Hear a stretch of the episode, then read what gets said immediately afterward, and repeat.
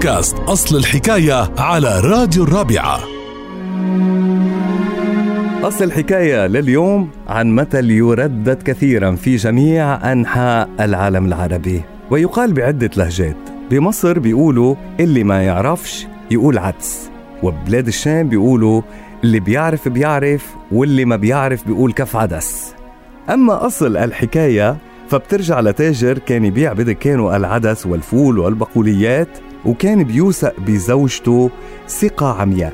فترك يوم بالمتجر وذهب ليتفق على شحنة جديدة من العدس. وقت اللي رجع لقى زوجته عم تخونه مع شاب بالمحل. فانتفض الرجل وراح يركض ورا الشاب اللي لاذ بالفرار بمجرد أن شافه للزوج.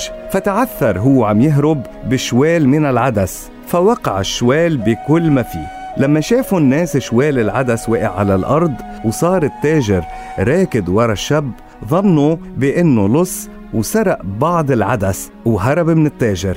فلاموا التاجر على تصرفه وقالوا له كل هالركض مشان كمشة عدس ما في بقلبك رحمة وما بتسامح. فرد التاجر اللي عجز عن الإفصاح عن الحقيقة المشينة بالعبارة الشهيرة اللي تنقلتها الألسن من بعده لغاية اليوم. اللي ما يعرفش يقول عدس. لتتعرفوا على مزيد من أصل حكايات الأمثال تابعونا على بودكاست الرابعة أصل الحكاية.